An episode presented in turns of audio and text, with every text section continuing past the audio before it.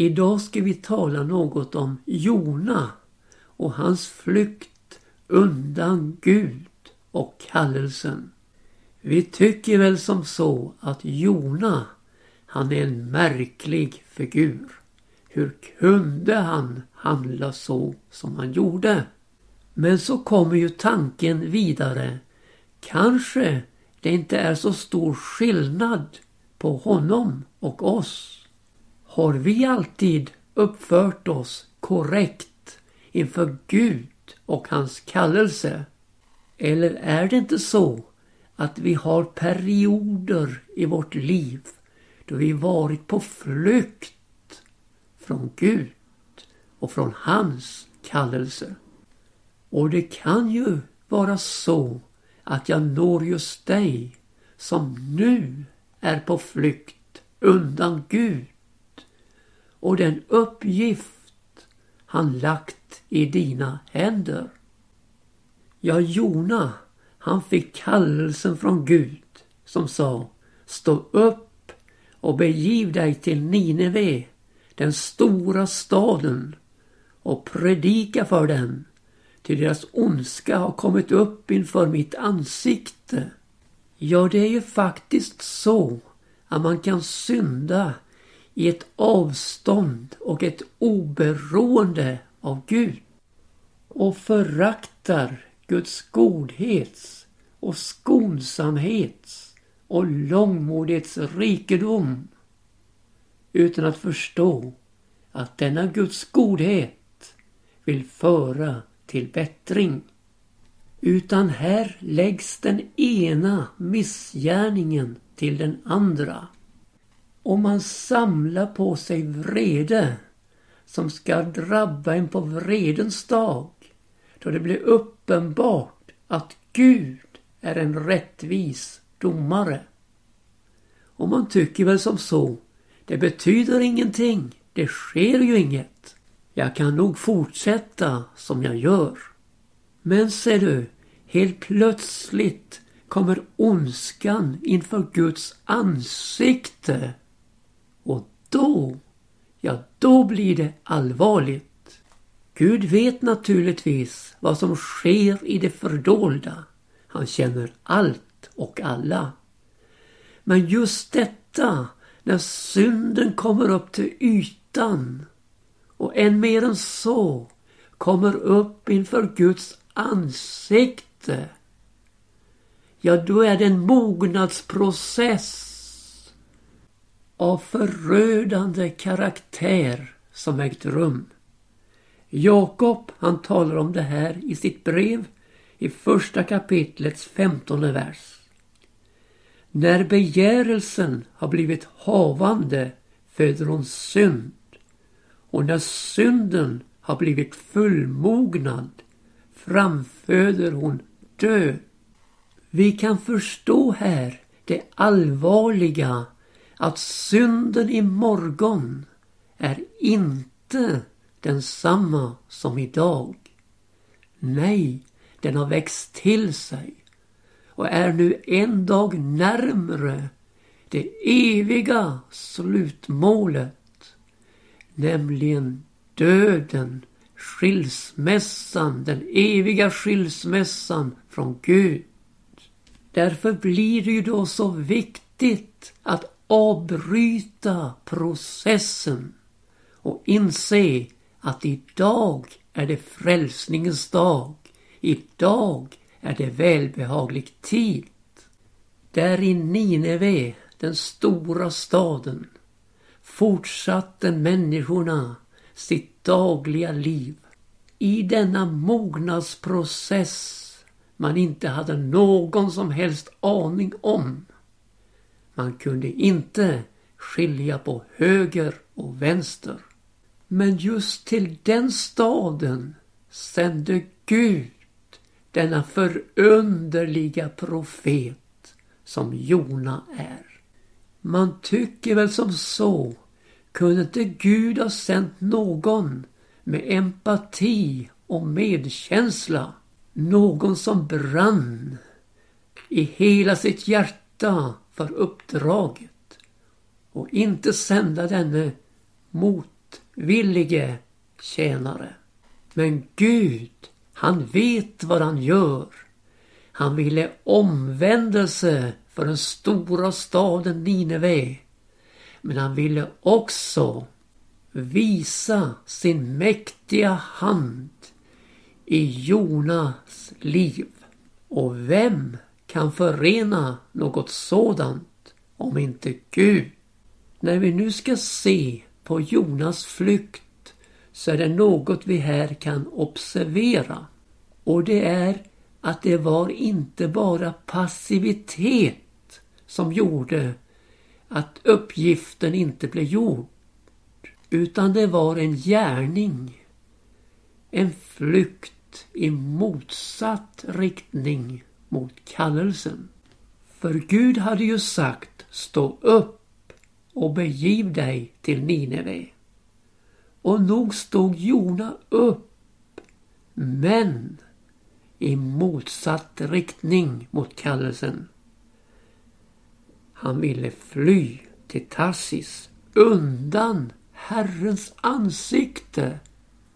Och visst är det bemärkningsvärdigt att kallelsen och Guds ansikte är så förenade i våra liv att de är oskiljaktiga. Flyr vi från det ena så flyr vi också från det andra.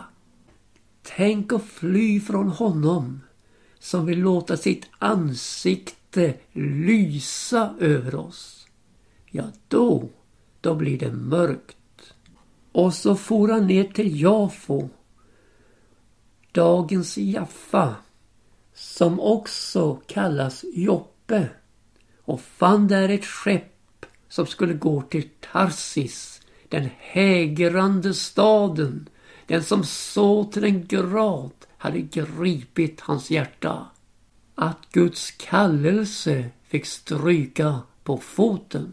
Denna stad, Jaffa, har haft en historisk betydelse för hednamissionen i den första kristna församlingen.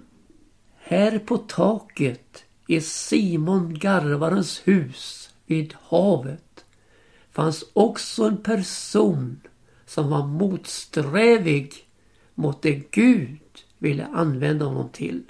Nämligen Simon Petrus.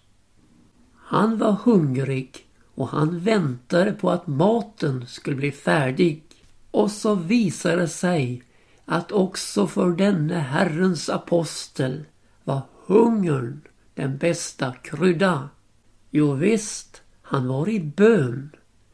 Men också för en bedjare kan de lekamliga behoven tränga sig på. Som det här gjorde för Petrus. Hungern gjorde sig gällande. Och så knöt Gud an till detta och lät en linneduk fasthållen vid de fyra hörnen sänka sig ner till jorden där Petrus befann sig. Och nog hade Gud dukat upp på denna linneduk. Jo, där i fanns alla slags fyrfota och krälande djur som leva på jorden och alla slags himmelens fåglar. Och så kom en röst med samma ord. Lägg märke till det som Jona fick höra. Stå upp, stå upp Petrus, slakta och ät. Ja, min vän, i kallelsen möter oss alltid ett stå upp. Man kan aldrig bli liggandes i sin egen insnöjda värld, i sin egen förträfflighet eller sitt eget missmod och sin egen självmedömkan. Nej, det hörs alltid ett stå upp när vi möts av Guds kallelse. Stå upp för Jesus. Och Petrus, han protesterar här med hela sin varelse och säger bort det, Herre. Jag har aldrig ätit något oheligt och orent. Men så kommer åter rösten från himmelen och säger Vad Gud har förklarat för rent, det må du inte hålla för oheligt. Och duken med allt dess innehåll blev upptagen till himmelen men kom åter för andra och för tredje gången för att göra det riktigt klart för den motsträvige Petrus vad kallelsen innebar. Och så kommer besöket från Cornelius med hans utsända. Denne hedning som bad till Gud och gav rikliga allmosor men inte var frälst. Och så säger anden till honom. Här är ett par män som frågar efter dig. Stå upp och gå dit ned och följ med dem utan att tveka, till det är jag som har sänt dem. Och nu väntade Cornelius med fränder och vänner på att få höra Petrus tala ord genom vilka de skulle bli frälsta. När vi nu vänder tillbaka till Jona så låt oss säga något om omkostningarna. Flyktens omkostningar. Han fick erlägga betalning för resan mot Tarsis. Men detta, det var en lindrig omkostnad mot vad som komma skulle. Detta var den mänskliga omkostnaden. Den vi kan erlägga. Men Gud, han har helt andra omkostnadskalkyler. Han låter aldrig en flykt bli omkostnadsfri. Det kostar på att vara på flykt från Gud. Här lät han en stark vind svepa över havet och en stark storm uppstod på havet så att skeppet var nära att krossas. Och vi kan förstå hur det upprörda havets vågor slog emot båten. Så själv sjömännen greps av fruktan och började ropa till sina gudar om hjälp. Men Jona, ja han låg nere i det inre av fartyget i djup sömn och sov. Så går skepparen ner till honom och säger till honom Hur kan du sova så? Stå upp och åkalla din Gud. Kan hända skall den guden tänka på oss så att vi icke förgås. Och så kommer lottkastningen om vem som är skuld till havets uppror och den olycka man hamnat i. Och lotten, ja den faller på Jona. Och så får Jona redogöra för sig och sitt ärende och visa på att om de nu kastar mig i havet så skall havets bränningar stillas. För det är för min skull, säger Jona, som denna storm har kommit över er. Och så blir Jonad kastad över bord och Gud sänder en stor fisk som slukar upp honom och där får han vara i fiskens buk i tre dagar och tre nätter. Jona, han kallar det för dödsrikets buk. Och vi möter alltså olydnadens konsekvens genom att hamna i detta inferno. Havet lugnar ner sig medan Jona betalar konsekvenserna av sitt handlande. Men så är det ju helt förunderligt att i detta skeende får han vara en förebild för honom som i lydnad utstod korsets lidande, aktade smäleken för intet och som var i jordens sköte, alltså i dödsriket, i tre dagar och tre nätter för att sedan uppstå från de döda. Och så visar Gud i sin tydlighet på olydnadens konsekvens med Jona men också lydnadens konsekvens med Jesus Kristus. Vår olydnads omkostnader är betalda av Jesus och det kan vi få del av vid omvändelsen till honom. Man kan tala om Jonas omvändelse när han bad till Gud i fiskens buk. Han sa Jag åkallade Herren i min nöd och han svarade mig. Från dödsrikets buk ropade jag och du hörde min röst. Du kastade mig i djupet, mitt i havet och strömmen omslöt mig. Alla dina svallande böljor gingo över mig. Jag tänkte då, jag är bortdriven ifrån dina ögon. Men jag skulle åter få skåda upp mot ditt heliga tempel. Vatten omvärvde mig in på livet. Djupet omslöt mig. Sjögräs omsnärjde mitt huvud. Till bergens grund sjönk jag ned. Jordens bommar slöt sig bakom mig för evigt. Men du förde min själ upp ur graven, Herre min Gud. När min själ försmäktade i mig, då tänkte jag på Herren och min bön kom till dig i ditt heliga tempel.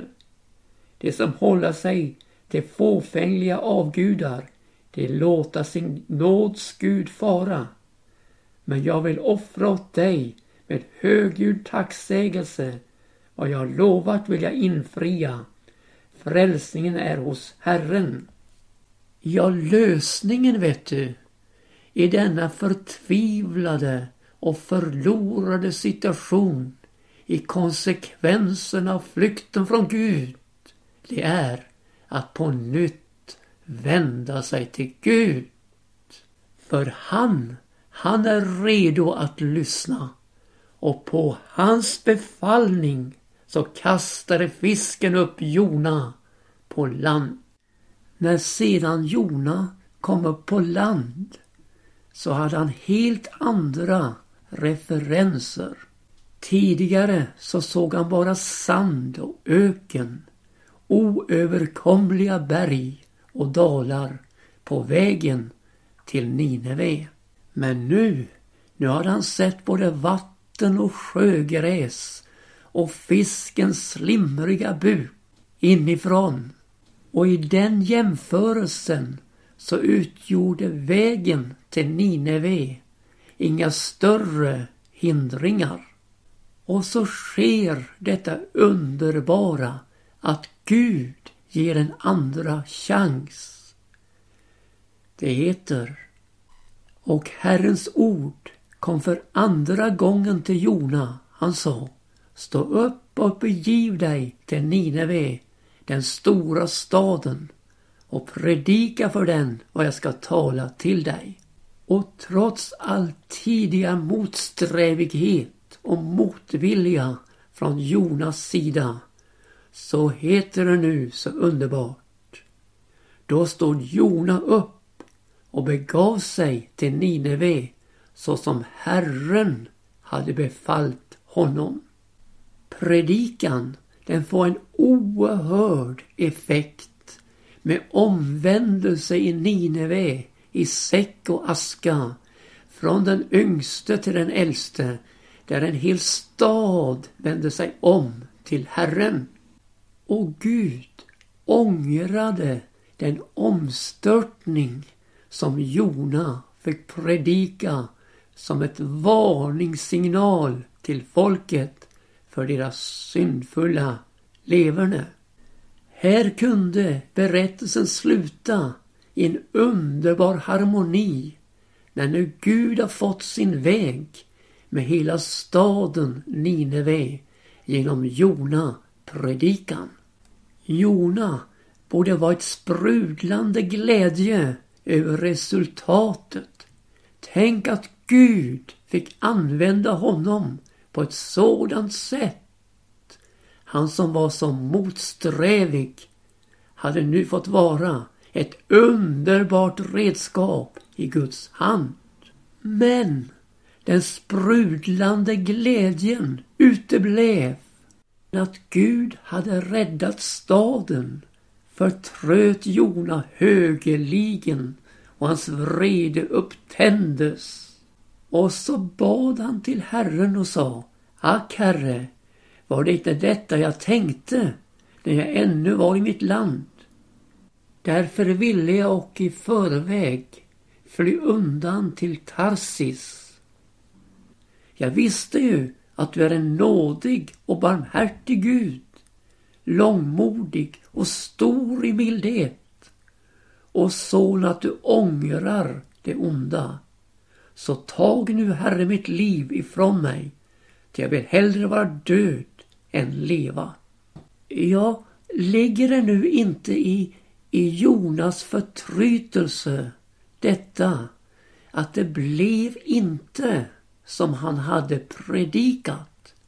Gud ångrade det onda han hade tänkt göra att omstörta staden när de omvände sig till Herren.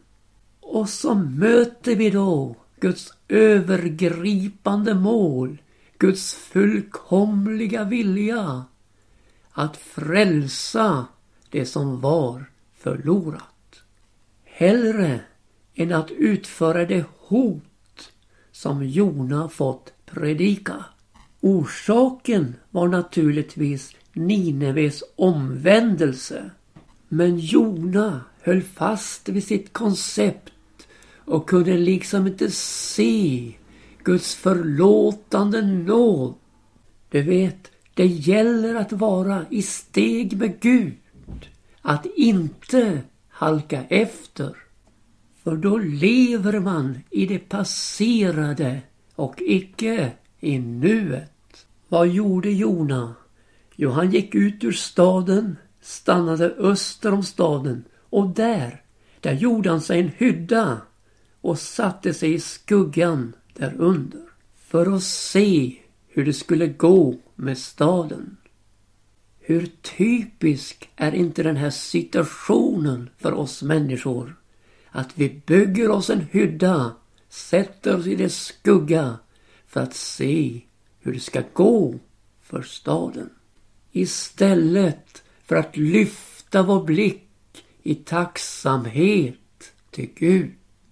O, vad många hyddor det finns utspridda i ödemarken. Där Guds redskap sitter och slickar såren. Och hur Gud får fortsätta med sin himmelska pedagogik för att få oss ut ur förtrytelsen. Förtrytelsen över vad som hänt. Ja, Gud, han låter en resinbuske skjuta upp för att ge skugga mot en sol som brände sig på Jonas huvud. Och kanske behöver du, min vän, lite himmelskugga över den sol som bränner ditt huvud med förtrytelsens tankar. Det behöver nog blir lite svalka där uppe emellanåt. Där det mänskliga tänkandet blir nedtonat för att Guds tanke ska få genomslagskraft. Och Jona, han gladde sig högeligen över resinbusken. Men dagen därefter, när morgonrådarna gick upp, sände Gud maskar som frätte resinbusken så att den vissnade. Och så faller Jona tillbaka och säger Jag vill hellre vara död än leva. Men Gud ger honom svar. Menar du att du har skäl till att vredgas för resinbuskens skull? Jona säger Jag må väl ha skäl att vredgas till döds. Då sa Herren Du ömkar dig över resinbusken som du icke haft någon möda med och icke har dragit upp som kom till på en natt och förgicks efter en natt. Och jag skulle icke ömka mig över Nineve, den stora staden, där mer än 120 000 människor finns som inte förstår att skilja mellan höger och vänster och därtill djur i myckenhet. Ja, här ställs referenserna upp från Guds sida. Referensen om en ringa resinbuske.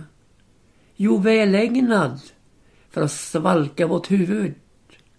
Men, men. Referensen visar ju på att det finns högre värden än så. Staden med 120 000 människor som inte kan skilja på höger och vänster. Och nu får vi vara lite personliga här i slutet av programmet. Menar du att du har skäl att vredgas? Vredgas över det som har hänt? Ja, det menar vi ju. Vi har skäl till att vredgas till döds. Skäl till att vredgas livet igenom. Men resinbuskens värde är ju obetydligt mot de stora värdena som står på spel. Nämligen människors frälsning. Så länge du väntar med att ge Gud ett bejakande svar på hans kallelse så blir det som med David. Så länge jag teg försmäktade mina ben med min ständiga klagan. Till dag och natt var din hand tung över mig. Min livssaft förtorkades så som av sommarhettan. Ja, det är den flyendes villkor. Den som flyr bort ifrån Gud. Men David säger jag vill bekänna för Herren mina överträdelser. Och då, säger han, då förlät du mig min synds missgärning. Och han säger, du, alltså Herren, du är mitt beskärm. För nöd bevarar du mig. Med räddningens jubel omgiver du mig, Sela. Jag vill lära dig och undervisa dig om den väg du ska vandra. Jag vill giva dig råd och låta mitt öga vaka över dig. Och så kommer kontentan av det vi vill ha sagt i det här programmet. Var icke som hästar och mulåsnor utan förstånd på vilka man lägger töm och betsel för att tämja dem, eljest får man dem ej fram. Ja, den ogudaktige har många plågor. Men den som förtröstar på Herren, honom omgiver han med nåd. Skillnaden är så stor som från mörker till ljus. Ja, vår motsträvighet kan förbytas i villighet inför Guds ansikte. Töm och betsel behövs inte när vi fylls av villighetens ande och när vi tar beredvillighetens skor på våra fötter.